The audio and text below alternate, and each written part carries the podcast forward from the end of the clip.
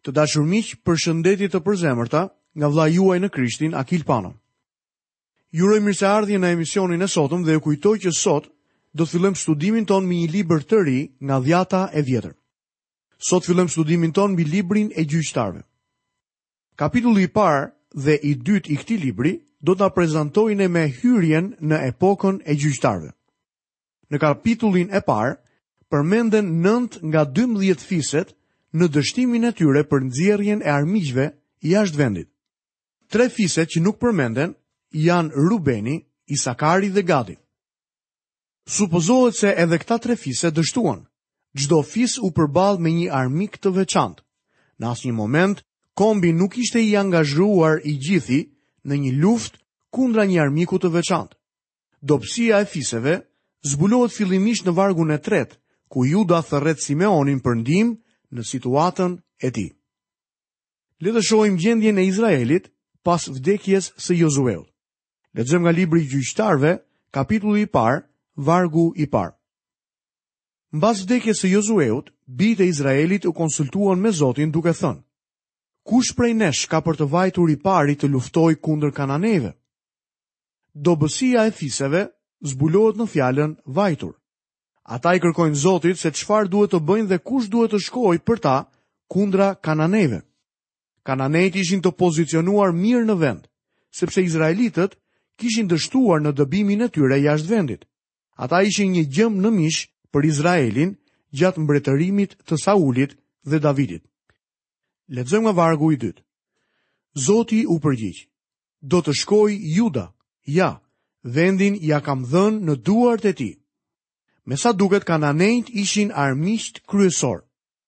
Lexojmë nga vargu i tretë. Atëherë Juda i tha Simeonit, vëllait të tij, eja me mua në vendin që më ra me short dhe të luftojmë kundër kananejve. Pastaj edhe unë do të vij në vendin që të ra ty me short, dhe Simeoni u nis me të. Fillimisht kjo duket si një shenjë e mirë bashkëpunimi midis Judës dhe Simeonit, dhe në fakt ishte. Por në të njëjtën kohë ishte edhe një shenjë dobësie. Fisi i Judës nuk kishte pse të kërkonte ndihmë për të nxjerrë kananejt jashtë vendit të tyre. Me ndihmën e Zotit, ata do të ishin plotësisht të aftë ta bënin këtë. Si rezultat kananenjtë nuk u nxorrën kurrë tërësisht nga vendi. Le të shohim vargun e katërt. Juda shkoi pra dhe Zoti u la në dorë kananenjtë dhe perezejtë, dhe në Bezek vranë dhjetë mijë burra. Ndoshta mund të mendoni se pas këtij hapi të parë në fitore, banorët e Judës do të besonin se Perëndia do ta dorëzonte trashëgiminë në duart e tyre. Lexojmë nga vargu i nëntë deri njëmbëdhjetë. Pastaj bijtë e Judës zbritën të luftojnë kananejtë që banonin në krahinën malore në Negev dhe në ultësirë. Juda marshoi pastaj kundër kananejve që banonin në Hebron, emri i të cilit më parë ishte Kiriath-arba, dhe mundi Seshain, Ahimanin dhe Talmain. që këtej marshoi kundër banorëve të Debirit, që më parë quhej Kiriath Sefer. Qyteti i Debirit ishte një qendër kulturore për kananejtë. Ai quhet qyteti i librave. Mendoj se atje ndodhej libraria e atij vendi. Lexojmë nga vargu i dymbëdhjetë dhe i trembëdhjetë. Atëherë Kalebi tha, Atij që do të sulmojë Kiriath Seferin dhe do ta shtjerë në dorë, unë do t'i jap për grua bijën time Aksa. E pushtoi Othnieli, biri i Kenazit, vëllai i vogël i Kalebit, dhe ky i dha për grua bijën e tij Aksa. Në fillim Izraeli pushtoi pjesën kodrinore të cilën e mbajti edhe më gjatë. Pjesa që ndodhej midis kodrës dhe bregdetit ishte skenë e luftimeve të vazhdueshme midis Izraelit dhe kananejve. Bijtë e Izraelit kur u vendosën në Tokën e Premtuar, u dhanë pas ndikimit dhe tundimit të fesë së kananejve. Ata ranë shpejt në idhujtari dhe e braktisën Zotin. Kushdo që do ta pushtonte këtë qytet, do të merrte një shpërblim dhe në këtë rast shpërblimi ishte vajza e Kalebit, e quajtur Aksa. Othnieli mund të jetë nipi i Kalebit, por martesa e tij me Aksahun e klasifikon atë si dhëndrin e tij. Ai padyshim që u zgjodh si gjyqtar për shkak të marrëdhënies së tij me Kalebin. Favorizimi i të afërmve ishte i përhapur edhe në atë kohë. Shumë njerëz sot zënë vende të rëndësishme, poste të caktuara, jo për shkak të aftësive të tyre, por për shkak të një marrëdhënieje apo situate të caktuar. Napoleoni e quajti veten një burrë me fat. Ai u bë i rëndësishëm për shkak të kohës në të cilën lindi. Nëse do të kishte jetuar në brezin tonë, me shumë mundësi do të kishte qenë krejtësisht i panjohur. Kështu ishte edhe Othnieli. Nëntë nga dymbëdhjetë fiset e përmendura në këtë kapitull kanë lidhje me dështimin. Pamë fiset e Judës dhe të Simeonit dhe tani do të shohim fisin e Benjaminit dhe Manasit. Lexojmë nga gjyqtarët kapitulli i parë, vargu i 21. Bijtë e Benjaminit nuk arritën t'i dëbojnë Jebusenjtë që banonin në Jeruzalem. Kështu Jebusenjtë kanë banuar bashkë me bijtë e Benjaminit në Jeruzalem deri në ditën e sotme.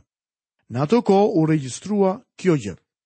Lexojmë nga vargu i 27 deri në vargun e 33. Manasi përkundrazi nuk i dëboi banorët e Beth Sheanit dhe të fshatrave të tij kufitar, as banorët e Tanakut dhe të fshatrave të tij kufitar, as banorët e Dorit dhe të fshatrave të tij kufitar, as banorët e Ibleamit dhe të fshatrave të tij kufitar, as banorët e Megidos dhe të fshatrave të tij kufitar, sepse kananejtë ishin të vendosur të qëndronin në atë vend. Më vonë kur Izraeli u bë i fortë, i nënshtroi kananejtë dhe i bëri skllevër, por nuk i dëboi krejt. As Efraimi nuk i dëboi kananejtë që banonin në Gezer. Kështu kananejtë banuan në Gezer në mes të tyre.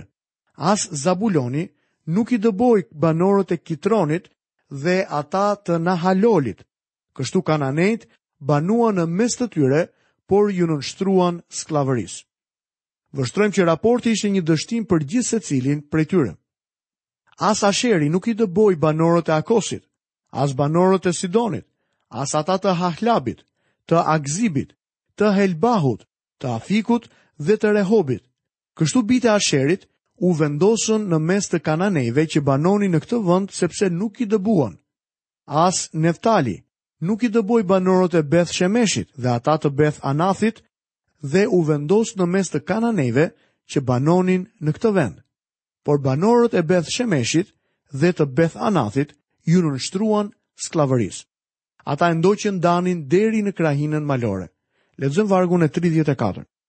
Amorejtë i detyruan bijtë e Danit të qëndronin në krahinën malore dhe nuk i lanë të zbresin në luginë. Ky është vendi i premtuar. Perëndia ua kishte dhënë, dhe megjithatë asnjë fis i vetëm nuk ishte i aftë të zotëronte tokën që i kishte dhënë Zoti. Sa tragjike. Tani do të shohim në kapitullin e dytë të librit të gjyqtarëve dhe do të lexojmë nga vargu i parë deri në vargun e tretë. Por engjëlli i Zotit u ngjit në Gilgal, në Bokim dhe tha: Unë ju nxorra nga Egjipti dhe ju çova në vendin që isha betuar t'u jepja etërve tuaj. Kisha thënë gjithashtu, Nuk do ta prish kurrë besëlidhjen time me ju, por ju nuk do të lidhni asnjë aleancë me banorët e këtij vendi dhe do të shembni altarët e tyre, por ju nuk iu bindët zërit tim. Pse e bëtë këtë? Kështu unë po ju them tani.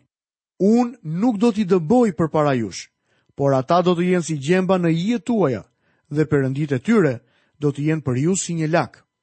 Besoj se engjëlli i Zotit, ky term, sa herë që është përdorur në dhjatën e vjetër, nuk është gjë tjetër veçse Krishti i paramishëruar. Perëndia u shfaq në një formë që mund të konceptohej nga natyra njerëzore. Ata nuk i ishin bindur zërit të tij, edhe pse i kishte plotësuar gjithmonë nevojat e tyre. Ky është edhe fillimi i historisë rrethrrotulluese të Izraelit. Ata e përsëritën xhiron e lodhshme të harrimit të Zotit, mëkatit, rënies në skllavëri, kthimit sërish tek Zoti në pendim, çlirimit nga gjyqtarët e vajosur të Zotit, për t'u kthyer në bindje tek ai. Le të shohim se si Perëndia ngre gjyqtarët. Lexojmë nga vargu i 16. Pastaj Zoti nxirrte gjyqtarë që i lironin nga duart e atyre që i zhvishnin.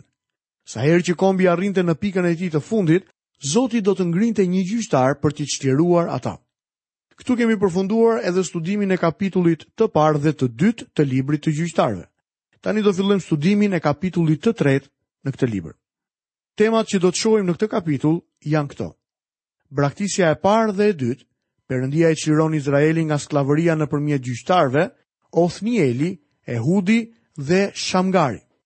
Bijtë e Izraelit kryen lidhje martesore me kananenjtë, hitenjtë, amorenjtë, perezejtë, hivenjtë dhe jebusenjtë në mes të cilëve jetonin. Izraeli bëri të këqija, harroi Perëndinë dhe i shërbeu Balit. Kështu Perëndia i dorëzoi në skllavëri.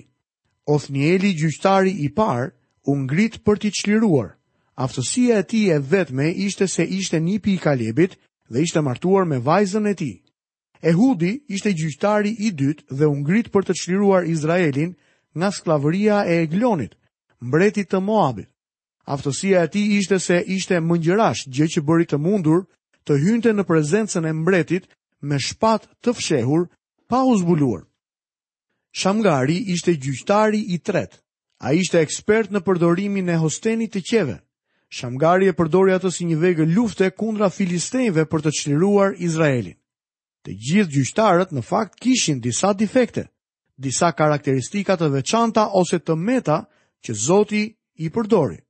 Gjyqtarët zbulojnë se Perëndia mund të përdorë çdo person që është i gatshëm të përdoret prej tij.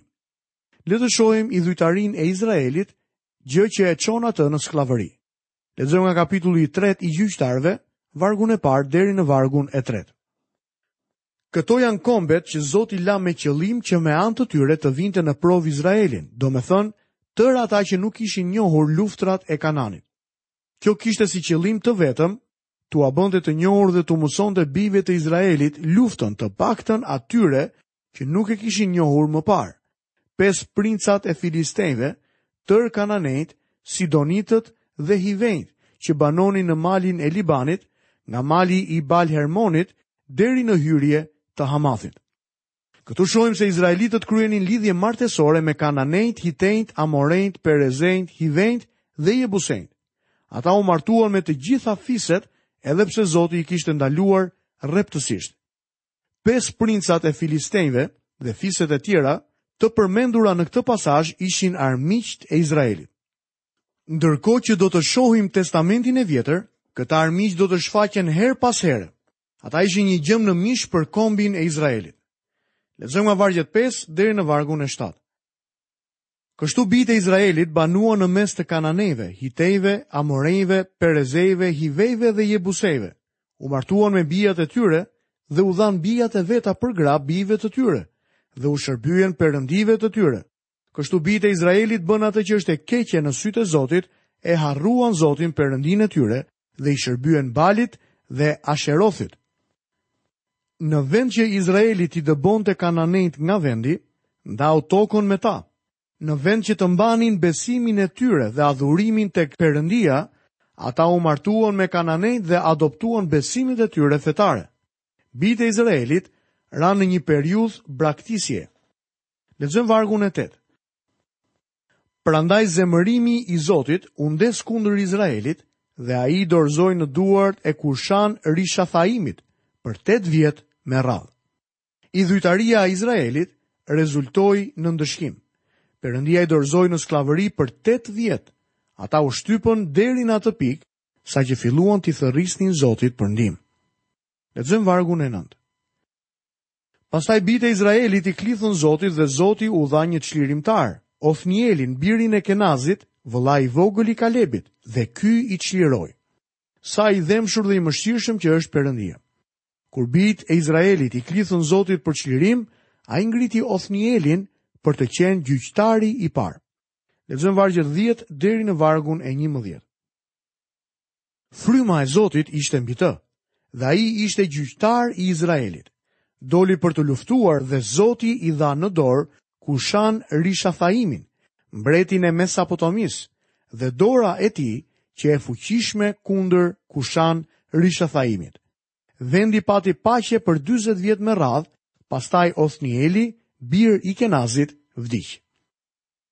Othnieli ishte gjyqtari i parë dhe një nga gjyqtarët më të mirë. Kundër tij nuk është drejtuar asnjë kritikë e madhe. Ai shpëtoi njerëzit e tij nga zgjedha e Kushan Rishathaimit. E vetmja gjë është se ai nuk ishte i aftë për veten e tij. Ai nuk u bë drejtuesi i Izraelit për shkak të aftësive të tij të jashtëzakonshme, por vetëm sepse ishte nipi i Kalebit dhe ishte i martuar me vajzën e tij. Por Perëndia, sido që të ishte, e përdori. Është e habitshme të shohësh se çfarë lloj njerëzish përdor Perëndia. Ndoshta kjo është arsyeja që ai mund të na përdorë edhe ne, edhe mua edhe ty miku im. Miqtë e mi, ky libër duhet të jetë një inkurajim i madh për të gjithë ne. Të gjithë gjyqtarët ishin burra të vegjël në thonjza. Nuk kishte asnjë njeri të madh në të gjithë grupin. Këta burra u përdorën nga Perëndia sepse ata ishin karaktere të çuditshme.